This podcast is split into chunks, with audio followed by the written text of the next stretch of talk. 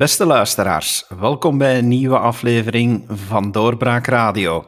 Ik ben David Geens en ik zit vandaag in onze virtuele studio samen met onze politieke specialisten Karel Drabbe en Karel de Vos. Welkom heren. Goedemiddag. Meneer Drabbe, ik moei me meestal niet met jullie onderlinge discussies, maar ik uh, probeer er wel af en toe iets tussen te gooien om die discussies levendig te houden. En ik ga dat deze keer proberen met een voorspelling. Na Sihamgate vorige week hebben we een hele discussie zien losbarsten over partijfinanciering. En mijn voorspelling is dat het allemaal op een sisser zal aflopen en als er al iets verandert, dat het enkel maar is dat de grootste partijen minder zullen krijgen. Heb ik dan volgens u een totaal verkeerde voorspelling gemaakt? Ik denk het niet. Ik denk dat ik het daar grosso mee eens ben. Ik zou zeggen, volgende vraag, uh, David. Maar uh, nee, zo gemakkelijk gaan we het niet spelen natuurlijk. Uh, je gooit meteen een aantal zaken tezamen. niet onterecht trouwens, maar het, het, is wel meteen veel. Hè. Um, er is al langer sprake van een hervorming, of ik kan niet zeggen sprake van, maar er hebben toch al een aantal voorstellen op tafel gelegen om de financiering van de politieke partijen in ons land te herbekijken. Als we even teruggaan naar het begin van de jaren 90, naar de Augusta-affaire, voor de jonge lezertjes, dat was een, luisteraars liever, uh, een schandaal waar politieke partijen, meer bepaald de Vlaamse en de Franstalige socialisten, geld kregen via een affaire vanuit privébedrijven. Partijen werden namelijk verzamelden namelijk vroeger hun, hun, centen voornamelijk via de privé. Men heeft er dan paal en perk aan gesteld om uh, fraude en andere uh, misbruik uh, stop te zetten. En men heeft dan een regel getroffen om alle partijen op min of meer dezelfde manier te bevoordelen. Maar die bevoordeling is wel ja, de pan uitgerezen, zal ik maar zeggen. Um, als je alleen nog maar gaat kijken naar onze buurlanden, naar Nederland, Duitsland, Verenigd Koninkrijk, daar zie je dat uh, politieke partijen relatief en absoluut uiteraard veel minder overheidsdotaties krijgen. En voor alle duidelijkheid, overheidsdotaties, dat is belastinggeld. Belastinggeld, dat is gemeenschapsgeld. Dat is datgene wat wij maandelijks van ons loon afdragen. Hè. Een deel daarvan gaat dus naar het onderhoud en het in leven houden van politieke partijen. En dat is in België heel veel als er dan nu inderdaad in vraag wordt gesteld, opnieuw in vraag gesteld wordt via de affaire uh, Siham El-Kawakibi, en we zullen straks nog wel op die zaak, op Sihamgate, uh, verder ingaan, um, ja, dan komt plots die partijfinanciering op tafel liggen. Dat is vrij snel dat dat gebeurd is. Anderzijds, vorig najaar lag er nog maar een voorstel op tafel van NVA om de partijdotatie, de, de automatische indexering van de partijdotaties af te schaffen. Uh, maar zowat alle partijen waren daar tegenstander van. Dus ook de partijen die nu vragen of roepen uh, om een hervorming en die nu tot het besef komen van er moet minder geld naar die partijen gaan, die hebben eigenlijk nog maar pas tegen die indexering gestemd. Wat speelt daar? Dat is de angst voor de kiezer natuurlijk. En daar draait alles om. Ik denk, mocht Gate niet zijn losgebarsten, dat er vandaag misschien nog altijd een aantal NVA'ers, want van hen kwam die vraag om die indexering af te schaffen, dat een aantal NVA'ers misschien opnieuw zouden proberen om een hervorming op tafel te leggen. Maar zonder Sihamge denk ik dat, uh, dat er helemaal niks zou gebeurd zijn en dat uh, de, de wedstrijd gewoon zou voortkabbelen en dat er niemand, ook de meest integere politici, zich geen vragen zouden stellen bij de huidige financiering van de politieke partijen. Waarom ook? We weten al langer dan vandaag, Bart Maddes is daar uh, de specialist in, publiceert daar ook over, dat onze partijen ontzettend veel geld krijgen. En dan kun je de vraag stellen van, ja, uh, loont zich dat, zoals dat in het Duits heet? hebben die partijen al dat geld nodig? En, en wat ze daarmee kunnen doen, ja, daar zullen we het zo meteen wel over hebben. We zullen het wel hebben over de, de, de sociale media, marketingcampagnes. We zullen het wel hebben over vastgoed en over beleggingen enzovoort. De vraag, is, de vraag die ik op tafel wil leggen is van, moet je eigenlijk niet heel dat model in vraag stellen? Um, we hebben destijds het model in vraag gesteld en naar de geschiedenisboekjes verwezen dat politieke partijen vanuit de privé kunnen gefinancierd worden en effectief ook werden gefinancierd met alle affaires en fraudeverhalen daarbij horend.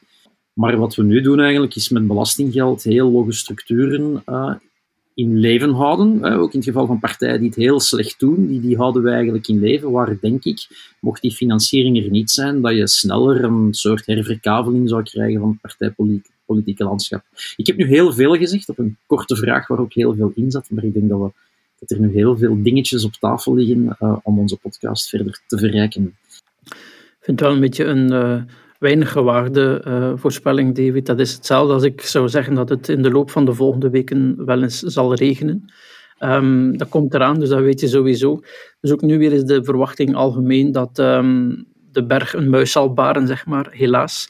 Uh, het flakkert weer even op en dan nog in een vakantieweek. Um, het thema partijfinanciering. Um, het staat in de krant. De Standaard heeft er vandaag een stuk over gemaakt. En daarin lees je dat de partijen in 2019 72 miljoen euro aan inkomsten kregen, overheidsgeld. En, uh, dus dat is, uh, dat is aan de ene kant heel veel. Aan de andere kant, als je dat in proportie zet ten opzichte van de algemene begroting, is dat natuurlijk peanuts. Maar mentaal weegt die 72 miljoen wel uh, heel zwaar. En ik vrees, ik vrees dat die voorspelling heel snel zal uitkomen, namelijk dat daar weer een 24, 48 uur wat fus rond is. En dan trekt dat gewoon weg.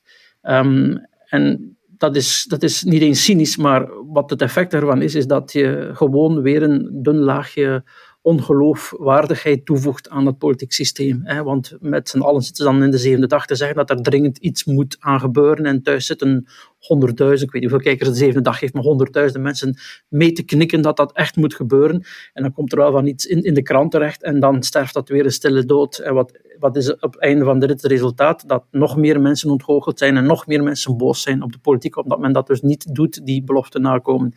En Karl heeft er net ook gezegd, de, de, bevinding is er al jaren, namelijk dat partijen overgefinancierd zijn. Hè, 72 miljoen um, in 2019 aan nieuwe inkomsten, terwijl tegelijkertijd om gekende redenen de uitgaven van de partijen sterk gelimiteerd zijn voor wat de verkiezingsuitgaven betreft. We hebben um, lang geleden um, willen vermijden dat we hier in een soort Amerikaanse toestanden terechtkwamen, waarbij geld uh, zetels kon kopen en waar partijen die het meeste geld hadden het meeste zetels konden binnenhalen, omdat ze dat allemaal konden gebruiken voor een campagne. Dus we hebben, die, uh, we hebben een heel sterke limiet gezet op de, de middelen die uitgegeven kunnen worden per verkiezing. Uh, maar aan de andere kant hebben we maar elk jaar maar blijven die miljoenen doorstorten naar die partijen. Dus uiteraard kunnen ze dat niet allemaal inzetten voor die verkiezingscampagnes. Ze gaan bijna allemaal tot het maximum. Maar dat maximum ligt eigenlijk relatief laag in vergelijking met de inkomsten. Wat doen ze dan wel mee? Wel, sommigen uh, beleggen dat als goede huisvader. Die kopen een gebouw en die verhuren een stuk van dat gebouw om vaste inkomsten te hebben voor als het is wat tegenvalt. Die kan ze dat moeilijk kwalijk nemen. Het grote probleem is dat um, de wetgever zei dus bij die dotaties niet um, genoeg in detail heeft bepaald wat partijen daar eigenlijk mee zouden moeten doen. Bijvoorbeeld, men zou kunnen verplichten dat, uh, om te beginnen, moet, moeten die dotaties drastisch naar beneden. Dat, dat, dat is evident, dat, dat wil iedereen. Maar, men zou de, de partijen ertoe kunnen verplichten om veel meer van die middelen te investeren in bijvoorbeeld de training en opleiding van leden, militanten, van het laagste lokale niveau tot, tot en met de fractie van de Kamer.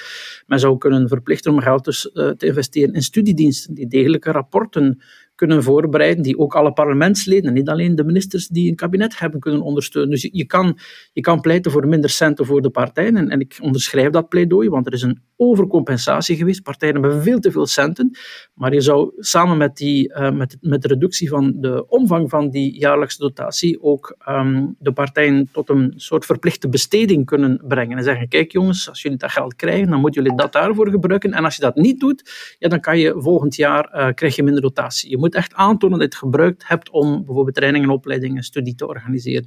En op die manier zou je die middelen wel kwalitatiever kunnen inzetten. Daar wil ik toch iets op zeggen. Van, uh, inderdaad, ik ben er volledig mee dat er criteria moeten zijn. Hè. Waar moeten partijen hun geld in steken? Hè? Uh, onderzoek of voorbereidend wetgevend werk, studiecentra enzovoort.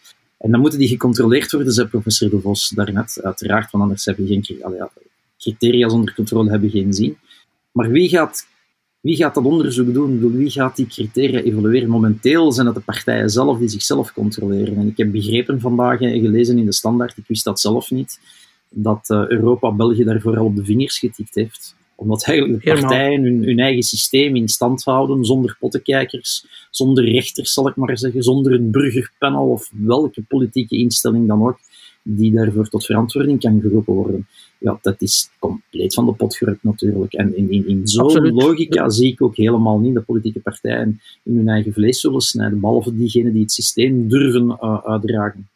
Zo'n controle organiseren is niet eens zo moeilijk. Ik bedoel, je, kan, je kan dat bij specialisten van het Rekenhof of de Nationale Bank of... de eh, politologen van de diverse universiteiten in Vlaanderen. Ja, bijvoorbeeld. Hè, je kan het dus bij, bij bestaande instellingen zoeken. Je kan ook gerust een commissie van... Uh, wijzen, eh, dames en heren, oprichten die uh, één keer per jaar uh, die controle doorvoeren en, dan een advies formuleren. Dat, dat, is, dat is absoluut mogelijk. Maar dat het, um, niet gebeurt, of tenminste dat men dat heel angstvallig in eigen rangen houdt, is iets waar um, heel veel kritiek op is, al lang. Ook van, van buiten België, dat hoort niet. Hè. Er, is, er, is, er is bijzonder weinig controle. Bijvoorbeeld ook um, als je, als je de, de wet op de verkiezingsuitgaven wil controleren, je weet dat elke kandidaat moet aangifte doen van de middelen die hij of zij gebruikt heeft voor haar campagne. Wel, je, je moet, als ik het zeg nu even uit het blote hoofd, dus ik kan er, de, de, feiten kunnen misschien wat fout zijn, maar ongeveer zoiets. Ik denk dat je 75 dagen na de verkiezingen krijg je twee weken de tijd als onderzoeker om dat in te kijken. Je mag geen kopies nemen, je mag geen foto's nemen enzovoort. Dus de, de, de, de audit die gebeurt op die verkiezingsuitgaven, dat is eigenlijk extreem beperkt. Men gaat alleen na of die maxima niet overschreden zijn. Wat nu in die zaak uh, Kawakibi naar boven gekomen is, namelijk dat daar iemand, uh, een medewerker van de vennootschap van de betrokkenen, 33.000 euro heeft gekregen om net toevallig in die campagneperiode dingen te doen die nogthans niks met die campagne te maken hebben. Ja, dat, er is niemand die dat controleert. Bovendien zijn die feiten ook verjaard. 200 dagen na de verkiezing kan de procureur eh, geen onderzoek meer instellen. Dus de controle loopt langs alle kanten manken er worden. Eh, het gaat over 72 miljoen, dat is, dat is niet weinig en de toezicht daarop is bijzonder, bijzonder beperkt. Dus vanuit het, uh, het voorzichtigheidsprincipe dat moet gehanteerd worden als je met belastingsgeld werkt, loopt dat helemaal fout. Bovendien, en Karl heeft er al op gewezen, um, hebben de partijen een soort van kartelafspraak waarin ze, uh, waarmee ze elkaar beschermen als collectiviteit. We gaan, we gaan dat systeem um, recht houden, we gaan ons beschutten tegen allerlei uh, veranderingen die van buitenuit komen, professoren, journalisten enzovoort. We gaan dat systeem in stand houden. Um, dat, dat, dat, is een soort consensus die onder hen bestaat. Maar tegelijkertijd, als er dan hervormingsvoorstellen moeten komen, dan zie je bijvoorbeeld N-VA, Karl heeft ernaar verwezen, stelt voor ja, die indexering niet toepassen. En dat zou vele miljoenen besparing opgeleverd hebben, maar daar hebben zij als N-VA minst last van. Hè. Wie heeft daar het meest last van? De kleine partijen. Wat lees je nu? Blijkbaar, bij Wouter Verschelde las ik het vanmorgen, dat uh, in de wandelgangen uh, wordt gezegd dat Vivaldi inderdaad een voorstel heeft om iets rond die partijdotaties te doen, namelijk het aftoppen van de grootste twee, drie. En dat zijn de NVA en het Vlaams Belang, omdat die het meeste kiezers hebben. Ja, zolang we in dergelijke uh, belachelijke politieke spelletjes blijven zitten, waarbij hervormingsvoorstellen ertoe dienen om jezelf te beschermen en vooral de ander uh, ja, toch te laten opdraaien voor die besparing, zal het natuurlijk voor geen meter lopen. Het is ook wansmakelijk, vind ik eerlijk gezegd, hè, als partijen eraan denken om op die manier het vertrouwen tussen burger, of het vertrouwen van de burger in de politiek te herstellen, met dergelijke platvloerse, kinderachtige spelletjes te spelen, namelijk we gaan het alleen aftoppen bij de grootste twee, dat zijn twee oppositiepartijen, en voor de rest laten we het voor de Vivaldi-partijen lopen zoals het is. Dat is ridicuul belachelijk, hè, dat men dat op die manier zoekt. En als men dat op die manier speelt, zal de antipolitiek alleen maar groter worden Dus ik begrijp eigenlijk eerlijk gezegd niet hoe dom men kan zijn om in dat soort van discours te treden. Je kunt dan ook de vraag stellen of dat Vivaldi echt een, een, een hervormingsvoorstel op tafel legt of zou leggen. Eh, want ik heb het inderdaad ook bij wat er verschillen gelezen. Uh, dat de grootste partijen uh, zou uh, raken. Of zoals Bart Maddes dat vandaag stelt op doorbraak. Het zijn ook niet toevallig de twee meest systeemuitdagende partijen, want het zijn de Vlaamse nationale partijen. Misschien zit er meer in dan alleen maar een meerderheid oppositie, maar zit er ook een ideologisch uh, kantje aan het verhaal. Ik weet het niet. Uh, de voorstellen moeten nog op tafel komen. We kennen ze nog niet. Dus het is afwachten. Maar inderdaad, hè, spelen met belastinggeld, dat is, uh, elke Belg doet dat graag en gaat daar creatief, probeert daar zo creatief mogelijk mee om te gaan. Maar practice as you preach, zou ik zeggen. Hè. Beleidsmakers moeten daar heel voorzichtig mee zijn. Je hebt er terecht naar verwezen, het gaat niet alleen over uh, de partijdotaties, we, hebben het er nu over naar aanleiding van de Siham-gate, um, maar deze regering heeft beloofd in haar regeerakkoord, en er staan toch heel wat uh, dingen opgesomd in dat regeerakkoord, dat zij een zeer ambitieuze agenda rond politieke democratische vernieuwing zou uitrollen. Nu, um, ik begrijp dat door corona daar in de voorbije maanden niks mee gebeurd is. En corona zal hoogstwaarschijnlijk nog tot zeker rond de zomer de politiek in grote mate domineren.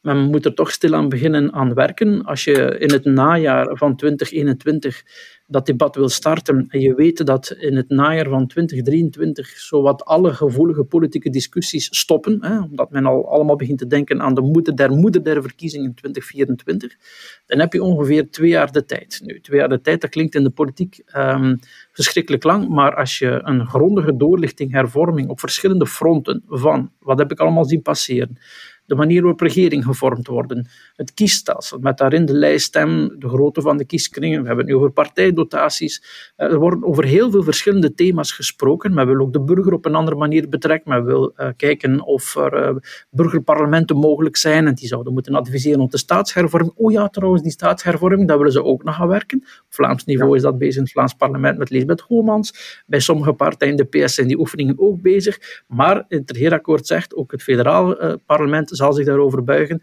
En dus er moet zoveel nagedacht, onderzocht, voorbereid, gestudeerd worden. Dat zijn telkens bijzonder gevoelige thema's. Ja, als men daar niet snel een agenda voor opstelt, een duidelijke keuze maakt rond welke over op welke werven gaan we werken? Welke thema's gaan we echt aansnijden? Wat is, wat is de rode draad die door die verschillende voorstellen loopt? Ja, als men daar nog lang mee wacht, dan wordt dat natuurlijk niks. Want je moet overeenstemming hebben uh, binnen de regering. Um, je zal ook moeten contacten leggen buiten de regering, maar je moet voor sommige van die zaken een, een tweederde meerderheid vinden. Hè. Je, moet, sommige dingen gaan tot en met de grondwet. Dus je moet toch ook uitbreken buiten deze regering en je moet ook met de oppositie praten. Dus als je daar een fatsoenlijk product wil afleveren op het einde van deze regering en zeggen, voilà, de volgende regeringsvormers die kunnen hiermee aan de slag en die kunnen veel sneller dan normaal een staat hervormen en de politiek vernieuwen, ja, dan gaat men er nu toch al ondertussen mee moeten beginnen. Iedereen zegt dat het vertrouwen in de politiek eh, verzoek is en dat er iets moet aan gedaan worden. En het is heel makkelijk om die vaststelling te maken, maar hebben jullie suggesties over wat er moet veranderen? Hm. We zijn 2021. Dat wil zeggen dat we de, wat is het, de 30ste verjaardag vieren van Zwarte Zondag dit jaar, 24 november 1991. Sinds dan hebben politici, opiniemakers, politologen, hè, maar ik weet niet of Karel de Vos op dat moment al professor dokter was, ik denk het niet, uh, de mond vol van politiek. Ik heb als student bestudeerd toen. Ah, in 1991 zat ik in de eerste licentie. Ah, ja. ik, ik in het middelbaar. Zo, zoveel schelen we niet. Maar uh, toen had, vanaf dan heeft iedereen de mond vol van politieke vernieuwing. We zijn 30 jaar verder. We hebben nog niet zoveel grote vernieuwing in de politiek gezien. Partijen vervellen wel eens van kleur en van logo en gaan eens wat bredere of smallere positie in het partijpolitieke landschap innemen, maar daar blijft het eigenlijk toe beperkt. Hè. Uh, ik zie ook de allerlei burgerschapsinitiatieven wel op een lokaal niveau als paddenstoelen uit de grond reizen, maar even snel weer verdwijnen, zoals dat de eigen is aan paddenstoelen. Um, kijk, mocht ik, een, mocht ik de oplossing hebben, uh, dan zat ik nu waarschijnlijk niet deze podcast met jullie te maken. Uh, ik denk dat niemand de oplossing heeft. En hoe kun je het vertrouwen in de burger versterken? Ja, zeker niet zoals men bezig is. Hè. Belastinggeld, of de, de idee wekken dat belastinggeld uh, er is om politici te verrijken. Hè. Ik ga het nu eens heel plat of populistisch uitdrukken. Ja, daar ga je de mensen, daar ga je het vertrouwen in de politiek niet mee winnen. Uh, een regering vormen die niet de meerderheid heeft in de twee grote democratieën van dit land, daar ga je het vertrouwen van de gemiddelde burger aan de beide zijden van de taalgrens niet mee winnen. En zo kan ik een heel rijtje opsommen. Hè. Het is niet evident, denk ik, om vertrouwen terug te winnen, tenzij dat we ja, maar hoe doe je dat? Hè? Met een wit blad papier en, en heel onze democratie, niet heel onze democratie, maar tot op een bepaalde hoogte gaan herdenken. Uh, kieskringen, de rol van partijen, hoeveel stemmen moet je hebben om een zetel te halen, hoeveel parlementen, is zo'n senaat nog nodig, uh, zijn die provincies nodig, die gouverneurs en vooral die provincieraden. Um, ik denk dat je dan echt moet bijna van nul zaken gaan herdenken, maar dat ligt niet in onze aard en al zeker in de aard van politici. Uh, of van de ambtenaren daarachter, die natuurlijk enorm uh, op hun hoede zullen zijn voor alle mogelijke hervormingen. Want elk, alles wat ja, aan iemands postje of portefeuille kan raken, daar, gaat, daar ga je natuurlijk niet zomaar op toegeven. Dus nee, ik heb de oplossing niet. Maar ik wil graag mee nadenken over een aantal zaken. Uh, als het inderdaad gaat over partijfinanciering, dan denk ik, ja, koppel daar resultaatsverbindenissen aan. Uh, zorg ervoor dat we, want een tijd lang zijn die veronachtzaamd geweest in België, onder meer door de Vlaamse socialisten, die zo'n moment hebben afgeschaft. Dat zijn de studiediensten. In Duitsland zijn die heel belangrijk. De wetenschappelijke bureaus in Nederland die zijn belangrijk. Hier wordt daar, behalve door de PS, toch maar meewarig mee omgesprongen. Uh, laat ons die een nieuw leven inblazen en dus een deel van die partijfinanciering daar naartoe gaan. Laat ons inderdaad eens nadenken over hoe dat we de band tussen de en zijn nee, omgekeerd liever, tussen de kiezer en zijn of haar verkozene kunnen versterken. En dan denk ik aan kleinere kieskringen, zoals vroeger, de kleine arrondissementjes. Dan ga je natuurlijk alleen nog maar de grotere partijen hebben die veel uh, kiezers zullen. Je moet dan zelfs nog niet naar een uh, uninominaal, naar een me meerderheidsstelsel gaan, zoals Bart uh, de Wever dat de laatste tijd wel af en toe eens op de tafel ligt. Ik denk dat daar wel tussenoplossingen zijn, zoals in Duitsland of Ierland, waar mensen twee stemmen hebben, een, een nationale stem of een, regionale stem, hè, als we het dan over Vlaanderen zouden hebben, en dan uh, de lokale stem voor de, de, kleinere kieskring, uh, waar dat de gemeente deel van uitmaakt. Ik denk dat er wel heel wat te bedenken is, um, maar het zou denk ik goed zijn van dat eens in één keer te proberen en niet zoals onze staatshervormingen te gaan spreiden over 50 jaar. Ik denk dat dat heel moeilijk is. Um, Absoluut. Om vanuit, vanaf een wit blad te vertrekken.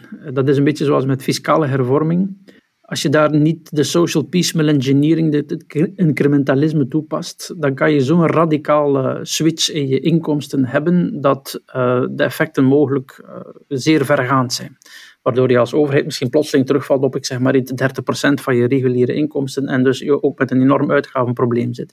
Dus de vergelijking is, als je vanuit de wit, vanaf, van op een wit blad een heel um, radicale omslag maakt, dat je eigenlijk moeilijk onder controle kunt houden welke richting dat politiek systeem uitgaat.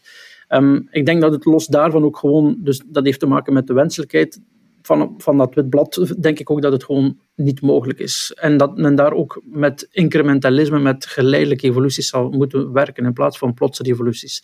Nu, zo'n um, zo'n hervorming die is niet neutraal. Daarmee bedoel ik, je kan nooit um, um, het politiek systeem hervormen op, op, een manier dat het alleen maar voordelen oplevert. Er zullen altijd mensen ook tegen die hervormingen zijn en er zullen ook altijd bepaalde nadelen aan die hervormingen verbonden zijn.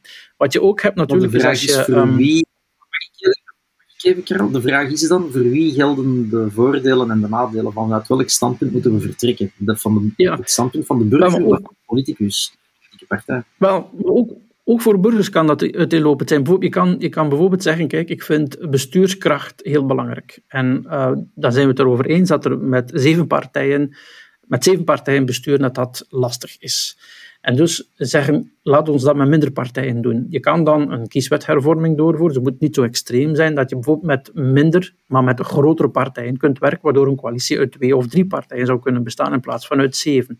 Dat is in termen van de bestuurskracht wellicht de goede zaak. Wat je dan eventueel verliest, is misschien in zekere zin een mate van representativiteit, van proportionaliteit. Mensen die het belangrijk vinden dat alle kleinere segmenten die in de samenleving bestaan, ook op een of andere manier een weerspiegeling, een vertaling vinden in het parlement. Herinner je toen in 2002 de, de provinciale kieskring werd ingevoerd?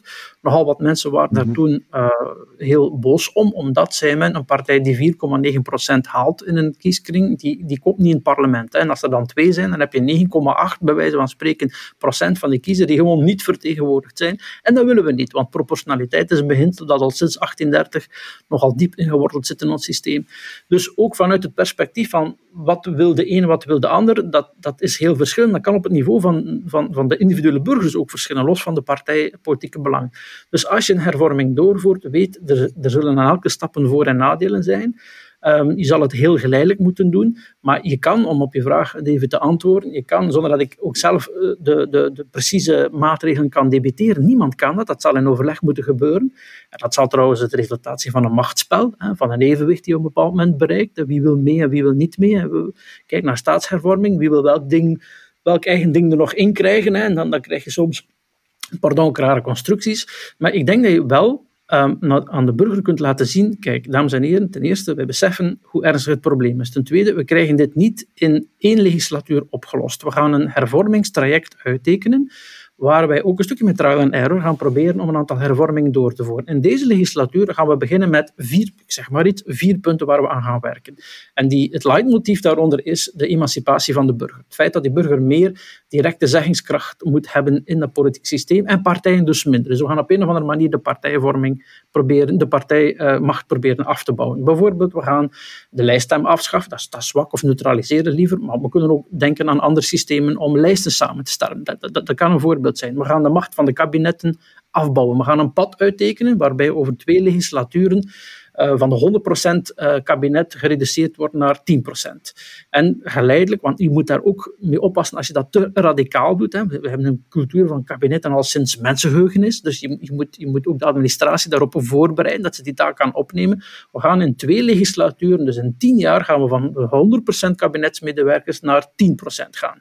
En we gaan daar transparant over rapporteren. We gaan ondertussen die administratie daar ook gaandeweg op voorbereiden. Misschien kan dat wel sneller. En dus als je zo'n aantal werven um, selecteert, waarop je uh, geleidelijk een aantal stappen kunt zetten, met scoreborden, je rapporteert binnen twee jaar, waar staan we dan mee, wanneer komt het er, wat zijn de verwachte effecten, welk wetgevend werk is er verricht, dan denk je dat je op die manier de burger het signaal kunt geven we're on top of it. We zijn ermee bezig en eh, niemand verwacht dat we dat in één legislatuur allemaal omgekeerd krijgen en dat het allemaal plots zal veranderen, maar we hebben een traject uitgestippeld. De afschaffing van de Senaat, wat gaan we doen met de provincies, noem maar op. Dat je een aantal lijnen uitzet die je volgt en waar je aan werkt. En er zijn, er zijn zeker een aantal pistes waar je, waar je quick wins kun, kunt mee halen. Bijvoorbeeld de, de, de, de lijstvorming, waar heel die Sigame Gate mee, mee begonnen is dat, daar kan je op de een of andere manier de invloed van partijen wel reduceren. Waar zit die invloed nu? Partijen zijn nu zo machtig omdat zij veel eer dan kiezers bepalen wie dat er in het parlement zit. Je moet maar eens kijken hoe weinig de nuttige volgorde, dat is de volgorde van uh, die kandidaten hebben op de lijst, je moet maar eens kijken hoe weinig uh, de nuttige volgorde doorbroken wordt. En dus als partijen kunnen bepalen wie de eerste drie plaatsen op een lijst innemen en de lijst duren, ook die visibele lijst duurt, dan bepalen zij in zeer grote mate wie er in het parlement terechtkomt, veel eer dan de kiezers. Dus als je erin slaagt om dat mechanisme te doorbreken, door, ik zeg maar wat, ik weet dat zot is, hè, door via um, lottrekking uh, de volgorde bepalen, of de computers te laten randomiseren, dat is maar een idee en het is misschien een stom idee, maar dat zorgt er dan voor dat niet meer die eerste twee, drie per definitie verkozen zullen worden. Dat heeft dan weer andere nadelen, absoluut. Dan moet je die meenemen om te zien of het net een positief verhaal is. En zo kan je een aantal werven selecteren waarop je inzet, waar je hervormingsvoorstellen doet. Je probeert ze uit in 24, je gaat het effect naar, je laat onderzoeken wat daar uh, voor- en nadelen zijn. Zijn die oké, okay, dan, dan klik je dat vast, dan heb je dat en dan begin je aan iets anders. En zo kan je dat volgens mij doen, maar dan ga je dus uh, legislaturen moeten volhouden. En dat vergt een partijpolitiek overstijgend engagement om dat um, te blijven volgen. En je moet vermijden, en rond ik af, dat in de volgende regering een aantal dingen die nu in gang gezet zijn, niet meteen worden teruggedraaid door de partijen die daar nu op dit moment niet, voor. Maar dan, dan kom je nergens meer en dan, dan doe je de boel maar beter op. Maar dat laatste is natuurlijk eigen aan politiek. Ik bedoel, welke politicus heeft er belang bij om een lange termijn project uh, te gaan uitwerken? Want ik hoor jou graag zeggen, en pas op, ik ben ook ieder revolutionair die echt het pleidooi houdt van het witte blad, maar ik probeer luid op na te denken natuurlijk. Um, maar dan ga je toch moeten zeggen van kijk, na twee legislaturen moeten minstens die werven gerealiseerd zijn. Ja, absoluut. Ja. Welke politicus kijkt er langer dan één uh, legislatuur? Meer nog, hoeveel politici durven langer dan twee of verder dan twee legislaturen kijken? Um, ik denk dat dat heel moeilijk is en ik begrijp heel goed dat je zegt, je moet dan piecemeal engineering doen en niet alles wat er is overboord gooien. Maar ja, dan probeer ik na te denken, kun je zo'n scoreboard, scoreboard inzetten, hè, eh, door daar, uh, um, ik weet het niet, um, prestatie, uh, prestaties aan te verbinden, uh, straffen, uh, weet ik veel. Het, het, het is niet evident, je... want hoe ga je nee, politici die, die dat traject niet concreet afleggen of tot een goed einde brengen, hoe ga je die bestraffen? Door ze naar huis te sturen. Ja, ze, kijken, ze hebben toch niet het plan om langer te blijven. Dus ja, maar als je natuurlijk tussentijdse doelstelling formuleert en je zegt van kijk, we gaan de kabinetten afbouwen en binnen vier jaar moet er al, bij de volgende regeringsvorming, ik weet het, het is post factum, hè, na de verkiezing, na het grote oordeel dan, dan moet eigenlijk al 20% van die kabinetten of 30%, ik zeg maar wat, afgebouwd zijn. Ja, als ze dat niet doen, die partijen bouwen dan, ja, dan kunnen ze, de kiezer moet dan beslissen of dat voor de kiezer belangrijk genoeg is om op het einde van die legislatuur hen daarvoor af te rekenen. Dat is nu eenmaal hoe het werkt. Als je politieke um, spelregels verandert, dan kun je die ook, eh, bijvoorbeeld, kijk, we gaan eerst beginnen met de lijststem af te schaffen. Uh, dat gaan we doen bij de volgende verkiezing. We gaan dan die randomisering of via lottrekking van de lijstvolgorde bepalen. Zo, zo kan je verschillende tussentijdse doelstellingen formuleren waarop men die partijen die dan besturen kan afrekenen. En je hebt gelijk als je zegt, ja, maar als er een nieuwe partij in de regering komt die daarvoor die een oppositie tegenvoort heeft, ze kan dat toch uh, veranderen, klopt. Maar daarom zei ik, dat moet dan goed de effecten daarvan moeten goed bestudeerd worden. En als die partij dan zonder aantoonbare inhoudelijk objectief of whatever argumenten zegt, ja, we moeten daar gewoon vanaf, want dat schaadt eigenlijk ons partijbelang en het is maar dat, ja, dat ze dat dan maar doet, maar dan is het aan de kiezer. Dat is altijd zo natuurlijk, hè, aan de kiezer om, om dat te beoordelen. Dus in welke mate die operatie lukt, hangt ook af van het belang dat kiezers daaraan hechten we zeuren en we zagen er vaak over. Um, maar als je daar natuurlijk een belangrijk thema, een belangrijk werk van maakt en partijen komen hun beloftes niet na, ja, als kiezer dan consequent zijn, dan vinden ze dat bijvoorbeeld een, een reden om een partij voor af te straffen in plaats van het economisch beleid dat gevoerd is, of ook naast het economisch beleid dat gevoerd is. Als wij natuurlijk daar allemaal zeer apathisch in zijn en zeggen, ja goed, laat maar komen, we zien wel wat er gebeurt, maar we verwachten er niet veel van, ja, dan zal het systeem ook niet veranderen. Hè. Maar ik zie niet hoe dat je dat systeem op die manier kunt laten veranderen door politici met als enige uh, wortel of liever stok achter de deur het feit dat ze dan door de kiezer zou kunnen afgestraft worden. Als ik even naar het verleden ga, in 1893 of 91 wordt het meerderheidssysteem afgebouwd. De kiezer is daar niet over geraadpleegd. Men heeft gewoon beslist van we gaan naar een uh, evenredig meervoudig uh, kiesstelsel. In 1919 uh, na de catharsis van de Eerste Wereldoorlog wordt er algemeen enkelvoudig stemrecht voor mannen ingevoerd. In 19, wat is het, 48 vrouwen. De, de kiezer is nooit vooraf bevraagd. Er is nooit een project op tafel gelegd van kijk, dat gaan wij doen qua kieshervormingen om voor een nieuwe politieke cultuur te zorgen. Dat is het uiteindelijk voor een stuk toch, hè, om meer mensen op dat moment bij de democratie te betrekken. Mensen zijn er vooraf niet over bevraagd. Ja, natuurlijk, er zijn bewegingen en partijen die daar strijd voor gevoerd hebben. Maar de kiezer is daar als dusdanig nooit over bevraagd geweest. En partijen zijn nadien ook niet afgestraft omdat ze wel of niet uh, die stappen gezet hebben. Dus ik begrijp uw redenering, maar ik zie het niet gebeuren ik zie niet in hoe je op, term, op een twee of op drie legislaturen allemaal dat soort stappen zult kunnen zetten als het initiatiefrecht daar bij die politieke partij moet liggen. En hoeveel hebben we er nu in België? Hè? Eh, zeven in het noorden en, en, en, vijf of zes in het zuiden zeker. Ja, met DFI erbij zal dat dan wel zes zijn. Hoe ga je dat doen? je gaat altijd wel nieuwe frontvormingen krijgen voor of tegen. Ik, uh, ik, denk, ik, ik was al cynisch, maar ik word plots nog cynischer. Ik kan het nog, ja, dat kan nog. Uh, maar je hebt wel een heel boeiende vergelijking gemaakt, Karl, met uh, 1918, 1919, het akkoord ja. van. De introductie van het algemeen eenvoudig stemrecht uh, voor mannen toen.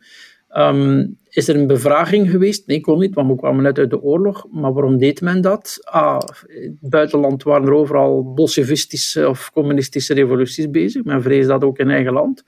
B, ja, de bevolking had heel erg afgezien. Mannen waren, de mannen die overleefd hadden, waren eh, getraind en bewapend. En men vreesde dat het, als men niet ingreep, misschien ook wel eens tot revolutionaire toestanden in eigen land ging komen. Bovendien wou men wat wind uit de socialistische zeilen halen, want die partijen zetten aan. Men vreesde dat die, uh, dat die socialisten het systeem helemaal gingen kunnen eh, destabiliseren. En dus er is geen kiezersbevraging geweest, maar men heeft zeer goed, ook de, de conservatieven die dat toen in de bossen van Brugge uh, bij wijze van spreken hebben beslist, hebben begrepen dat het op dat moment de de ingesteldheid van het volk, het oproer, de, de algemene bevinding die bij vele burgers leefden, van die aard was dat men dat moest doen, want als men dat niet deed, ontstond er een risico op revolutie. En dus er is geen kiezersbevraging geweest, maar men voelde dat toen wel correct aan. Op dit moment zou je kunnen zeggen dat die, dat die druk, hè, die er ook toen was, hem vooral vertaald in steun voor um, radicale partijen. Partij van de Arbeid en het Vlaams Belang, antisysteempartijen of andere systeempartijen, zo je wil, die, um, ja, die steeds meer um, die steeds meer succes boeken. Misschien daarom niet per se op een bepaald moment tot die regering gaan kunnen toetreden, want ze gaan geen coalitiepartners vinden, maar ze gaan wel een dermate grote hap uit dat electoraal uh, landschap nemen, dat het voor die andere partijen niet alleen een verlies betekent, maar dat niet veel anders meer overblijft op de deur wat, waar ze nu mee zitten. En geen van die zeven is dol enthousiast over het feit dat ze met zes andere partijen in een regering zitten. Geen van die zeven, als je achter de schermen hoort, vinden dat fantastisch om met zes verschillende partijen, enfin met zeven naast de hunne, uh, samen met de hunne, dan bedoel ik, om met zeven partijen compromissen te sluiten over van alles en nog wat. Dus um, als je natuurlijk um, die druk, die zweepfunctie van die radicale partijen, als die nog groeien, als die nog sterker worden, ja, dan kan dat, we gaan nooit meer in diezelfde naoorlogse, uh, naoorlogse revolutionaire sferen zitten, maar daar zou je een soortgelijke druk kunnen verwachten. Ik denk niet dat dat te evenaren is, dat dat zo uh, intensief zal zijn, maar misschien gaat er daar een zekere pressie van uit. Maar de druk van die partijen wordt momenteel volledig gekanaliseerd binnen het partijpolitieke systeem, binnen de particratie. De partijfinanciering helpt daar trouwens bij om partijen wel bij de les te houden, om, om, om, dan nog maar, om daar nog maar eens op terug te komen. En twee, dan zeg je eigenlijk van zonder een parfum de revolution kan je eigenlijk niks uh, drastisch gaan veranderen en kun je niet echt tot een, een omslag komen in een politiek systeem. ik denk dat dat klopt, hè, de laatste. Ik denk dat dat ook klopt. Uh, maar dan sterkt mij dat in mijn cynisme, dat ja, als we dan aan politici moeten overlaten om hun eigen politieke hervorming te organiseren, dat er heel weinig, zelfs niet op lange termijn, van in huis zal komen. Maar ik denk dat, we, dat wij ze blijvend onder druk uh, moeten zetten. Met, met deze podcast. En op andere manieren. Um, ik ik voel ook wel dat heel veel mensen uh, dat ook willen, op de een of andere manier, die hervormingen. Als je kijkt naar uh, wat uh, geliked en geretweet en, en bekeken wordt. Ik heb na de uitzending, ben er bijna mee rond van de afspraak op vrijdag. 35 zijn het ondertussen mails met inhoudelijke hervormingsvoorstellen van burgers die daar lang goed over nagedacht hebben, die allerlei suggesties doen. nee, nee, daar zijn geen miljoenen mensen mee bezig. Dat weet ik wel, maar er zijn voldoende mensen die nog betrokkenheid voelen, die nog de moeite doen om in de pen te kruipen, om een eigen voorstel te schrijven, mee begaan. Um, en dus er, er, zijn met velen de mensen die uh, vinden dat het, op, dat het anders moet dan zoals het nu loopt. Voor een groot stuk zitten die ook in de silent majority. En als die zich op een of andere manier wat meer zouden laten horen, krijg je een soort pressie die die partij wel kan aanzetten om daar blijvend mee te werken. Maar, een deel, daarvan wordt dan, maar een deel daarvan wordt dan achter een cordon sanitair opgesloten om nog maar eens te zeggen dat politici hun eigen welbevinden organiseren en niet zomaar bereid zullen zijn om grote hervormingen toe te laten. Ook al wordt de druk op de ketel te groot door die extreme partij, men gaat er dan niet mee regeren, men houdt er geen rekening mee. Een aantal ideeën zullen wel doorcijpelen. Hè. Het beeld van Joël de Keulaar, dat Philippe de Winter de meest invloedrijke politicus is van de na, na de Tweede Wereldoorlog. Ik denk dat dat ook klopt, maar de man heeft nog nooit aan de macht deelgenomen en, en het zal ook nooit gebeuren. Hè. Wat dat ik me eigenlijk wel afvraag in, in wat jullie nu beschrijven, en de, de vraag van de burger, of die nu al dan niet bevraagd wordt, zit daar eigenlijk een verschil in uh, aan de weerzijde van de taalgrens? Um, oh, misschien in tonaliteit wel, maar ik denk in, in C dat dat, uh, dat, dat geldt overal. Hè. Ik, uh, er zijn binnenkort verkiezingen in Nederland, daar, daar geldt net hetzelfde. Hè. Je zou denken van, er is Maleisië, stemt Rutte weg, maar er is gewoon geen alternatief voor Rutte. Er is er geen. Uh, hij kan zelfs kiezen tegen wie, tegen wie hij gaat debatteren. Dus het, ook, Nederland is al lang geen gidsland meer, maar is, is even vermolmd, om dat woord dan maar te gebruiken. Nu klink ik wel heel negatief als onze andere buurlanden dat zijn, laat het mij zo zeggen. Maar ik denk in Franstalig België is het verschil niet zo groot. Hè. Als we het dan hebben over druk, ja, de druk wordt daar uitgevoerd niet vanuit extreem rechts, extreem rechts, sorry, voor een stuk wel, want dat bestaat daar zo goed als niet. Voor een stuk wel door extreem links, door de PTB, maar vooral denk ik door het feit dat er een vijfde van de Franstaligen niet gaat stemmen, in Luik zelfs één kwart. Mensen blijven gewoon thuis stemmen met de voeten en ik denk dat je veel meer apathie gaat krijgen een parfum de revolution om iets te, de revolution om, om iets te kunnen uh, ja, veranderen als dusdanig. Als je langs de ene kant mensen achter een cordon kunt uh, binnensluiten, en langs de andere kant zijn er mensen die gewoon gaan thuisblijven, en dan wordt de marge waarbinnen dat je een meerderheid moet vormen veel kleiner, wordt het veel gemakkelijker ook. Aan één zijde van de taalgrens dan toch, maar die moet je ze nog alle twee optellen, wat er aan de twee kanten gebeurt. Maar waardoor dat ik dus denk van, ja, grote veranderingen met hoofdletters zullen we toch niet snel moeten ver, uh, verwachten. Ik denk dat in het zuiden soortgelijke gevoelens leven als in het noorden. Dat dat niet een kwestie van Nederlandstalig of Franstalig is. Uh, maar zoals Karel zegt, het vertaalt, daar, het vertaalt zich daar op een andere manier. Als je nu aan veel Walen vraagt, wat vinden jullie van de politieke toestand, ook na de schandalen rond de PS, dan denk ik dat veel mensen hun buik vol hebben van dit politiek systeem, ook in het zuiden van het land. Een piste zou kunnen zijn om de um, opkomstcijfers bij verkiezingen te koppelen aan de partijfinanciering. Als er 80% van de kiezers deelneemt aan verkiezingen, dan reduceer je de partijdotatie met, tot 80% maximum. Of je kan er nog strengere uh, sleutels inbouwen. Uh, dus je, je, financiert partijen naarmate ze mensen hebben kunnen overtuigen om deel te nemen aan de verkiezingen.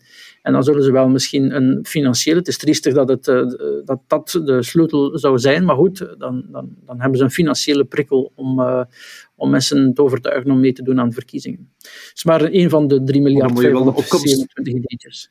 Ja, maar dan moet je wel de opkomstplicht afschaffen hè, in dat verhaal. Dan moet je wel de opkomstplicht ja, afschaffen. In een aantal verkiezingen ja. al van plan. Maar los daarvan, zelfs bij uh, opkomstplicht bij federale verkiezingen, zakt die uh, feitelijke opkomst toch terug. Dus je kan het ook daar wel doen. Je kan het universeel uh, doorvoeren. Er zijn ook een aantal politici die momenteel spelen met ideeën om het politiek landschap te herverkavelen. We hebben nu dit weekend een interview, wellicht eh, de meeste van de luisteraars hebben toch eh, gehoord van het interview dat Bart Wever gaf in de zondag. Ehm, daar, daar wordt over gesproken, over een herverkaveling, een, een brede centrumrechtse partij mogelijk eh, te gaan oprichten of toch een stroming te willen gaan vatten. Denken jullie dat daar effectief een beweging bezig is die, die misschien nog wel onder het, onder het zichtbare oppervlak zit? Ik denk dat die beweging al heel lang bezig is. Hè. Toen ik uh, mijn neus aan het venster stak aan de universiteit, praat terug over begin jaren 90, 91, 92, dan was er al een, uh, zal maar zeggen, een toen visionair politicus die hetzelfde idee had. Ik ga uh, heel het partijpolitieke landschap in Vlaanderen omvergooien door een grote centrumrechtse partij van de burger te creëren. Dat was toen de VLD van Guy waar Vlaamse nationalisten, conservatieven, katholieken en liberalen van alle slag uh, lid van konden worden. Dat, heeft even, dat is even meegegaan en dat is dan weer verdwenen. Het kartel van 2004 tussen de CD&V en N-VA kun je eigenlijk ook in die lijn plaatsen. En ja, ik herinner me toch ook nog vanuit mijn universitaire periode dat iemand als Bart Wever daar toen al mee rondliep met ideeën over een Vlaamse CSU. Um, je kunt daar trouwens een artikel over lezen op Doorbraak, beste mensen, uit 2014. Um, ehm, dus dat zijn ideeën die, die zijn niet nieuw, die duiken zoals ja, het monster van Loch Ness waarschijnlijk om de zoveel jaren opnieuw op. Um, ik ben zelf zoiets wel geneigd, want er zijn te veel partijen en, ik denk dat het beter is om met een paar grote partijen waarbinnen tendensrecht bestaat uh, aan politiek te doen dan met een gigantische versnippering van uh, kleinere partijen, formaties en kiesverenigingen. Uh, maar ik denk dat zoiets maar mogelijk is als er eerst wordt uh, gesleuteld aan uh, het kiessysteem. Dan heb ik het terug over die, die kieskringen, de grootte van die kieskringen, over de financiering, over de vertegenwoordiging in het parlement. Um, ik denk dat je daar eerst moet aan werken en dat je dan automatisch een hervorming krijgt van de, of een herverkaveling krijgt van het partijpolitieke landschap. Trouwens, ik hoor dat het niet alleen Bart Wever is die daarover nadenkt. Binnen de CD&V is men daar ook heel luid op over aan het nadenken. En zeg niet dat er een kartel op tafel ligt. Wever zei in het interview wel dat de kartels niet meer van deze tijd zijn. Ik weet dat niet of dat dat zo is, maar ik zie daar toch ook van alles bewegen. Hè. Binnen de rechtervleugel van de CD&V is er terug een, een organisatie met smoel opgestaan, stuurboord, waarvan ik nu vernam dat die de contacten aan het uh, versterken zijn met Unizo en Boerenbond. Dus daar zie je toch ook wel weer een frontvorming tussen de oude organisaties die de christendemocratie vormgaven en wat nieuwe groeperingen daarbinnen en daarbuiten. Um, volgende stap in de staatshervorming zal dat denk ik ook wel kunnen helpen, of tenminste het voorbereiden daarvan zal ook wel de geesten rijper maken voor herverkabeling of niet. En dan um, heb je heel dat schimmige verhaal dat vrijdag, geloof ik, is opgedoken uh, op knak.be van Ewald Pironet. En zaterdag in de tijd dat er in uh, de rangen van de VLD ook, uh, van de Open VLD ook een, luid op wordt nagedacht over een afscheuring en de vorming van een nieuwe progressief-liberale groene partij. Een soort groene liberalen zoals die in Zwitserland bestaan. ik weet niet wat daarvan waar is. Er wordt worden in die artikels wel man en paard genoemd, eh, maar veel concreter is het voorlopig nog niet. En Christophe Calvo die beweert vandaag in Humo dat dat niet het geval is. Ehm, we zullen wel zien, maar ja, dat politieke partijen stilletjes aan, uh, aan zeker metaalmoeheid uh, leiden. Uh, Christendemocratie bestaat van 1884 als partij. Dat is niet niks. Hè. De, de liberalen vierden vorig jaar hun 100, wat is het, 70ste verjaardag of 175ste verjaardag, ik ben het al kwijt. Ik ben niet zo goed in hoofdrekenen. Dus ja, dat we leven, we leven in 2021, dus misschien moet er wel eens aan die boom geschud worden van die partijpolitieke organisaties die ons land rijk is. Ik moet uh, Karel bijtreden in die zin. Ik uh, volg de wedstrijdpolitiek ongeveer een 25 jaar vanuit wat van de kleinere concentrische cirkels die in die wedstrijd bestaan. Ik heb al 25 jaar uh, gehoord over gesprekken of gesprekken gezien tussen mensen van verschillende partijen.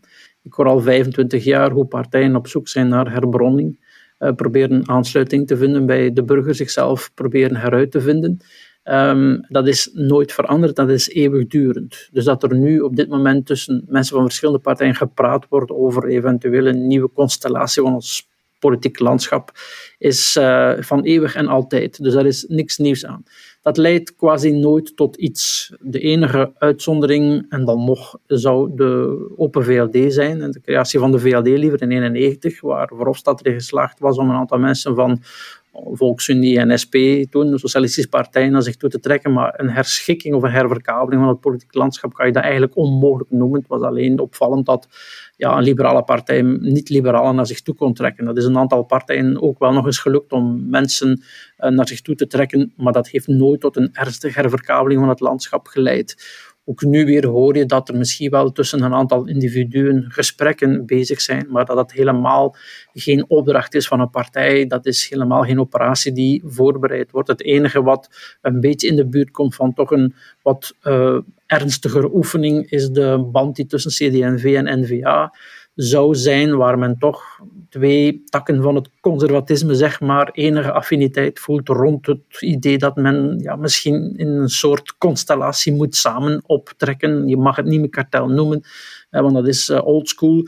Uh, dat, dat, dat, leeft daar wel, dat gaat op en neer. Dat is ook niet iets wat men doorduwt, want je, je merkt tegelijkertijd, N-VA is op zoek naar zichzelf en CD&V is op, op zoek naar zichzelf. Hè. Ze bereiden alle twee ideologische oefeningen of congressen voor en ik heb nog nooit gezien dat men dat in, in samenspraken of, of zou doen. Dus hoe kan je, hoe kan je werken aan een, een, formule waar twee partijen samenkomen, als elk van die partijen bezig zijn met hun herbronning en dat 100% uh, zelfstandig doen, los van elkaar. Dus, dus ook daar zie ik eigenlijk niks structureels uit voorkomen. Vandaar dat ik mij aansluit bij wat Karel zei.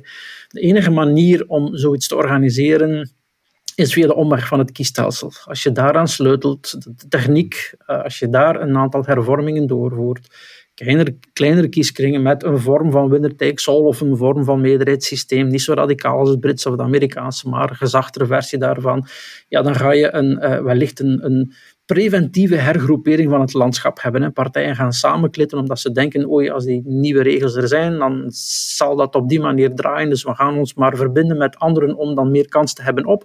En zo krijg je preventief uh, her, her, her, herschikking van het partijlandschap, die dan na de verkiezing definitief wordt. Dus als je dat wil doen, dan moet je aan, dan moet je aan de kieswet sleutelen. En al die oefeningen die nu gebeuren, dat is, dat is interessant voor bepaalde krantenartikels of ha, hey, heb je gehoord van. Maar eerlijk gezegd, ik kan ze, ik kan kan ze niet meer bijhouden, de vele complotten en geheime ontmoetingen die de voorbije 25 jaar tussen mensen van allerlei slag en stand zouden zijn gepasseerd achter de schermen. En nooit of te nimmer heb ik daar iets ernstigs nadien van gezien. Nooit. Dus ze doen maar. Ik denk dat we daarmee wel kunnen concluderen dat uh, er nog heel veel staat te gebeuren. Belangrijkste conclusie die ik van jullie onthoud van deze podcast is dat de politici veel meer naar deze podcast moeten luisteren om goede ideeën op te doen. Uh, dus dat zullen we. Dat zullen we hen zeker aanraden. We zullen hen een, uh, een, een uh, ja, uitschrijving van, van deze podcast toesturen, zodat ze dat op een volgend ideologisch congres mee in hun statuten kunnen opnemen, stel ik voor. Ja. Een goed idee, ze zullen dat zeker doen. Ja. Meneer Drabbe, meneer De Vos, hartelijk dank voor jullie analyse en ik kijk er al naar uit om binnen twee weken terug met jullie samen te zitten. Dankjewel. Graag gedaan. Graag gedaan, tot later. Dag. En uw beste luisteraar, blijf zeker afstemmen. We merken dat u ook heel veel opsteekt van deze podcasts, dus we gaan er zeker nog mee door. Er komen er nog. Tot de volgende keer. Dag. Dit was een episode van Doorbraak Radio, de podcast van doorbraak.be. Volg onze podcast op doorbraak.be/slash radio of via Apple Podcasts, Overcast of Spotify. Bezoek ook onze website op doorbraak.be en steun ons door een vriend te worden van Doorbraak.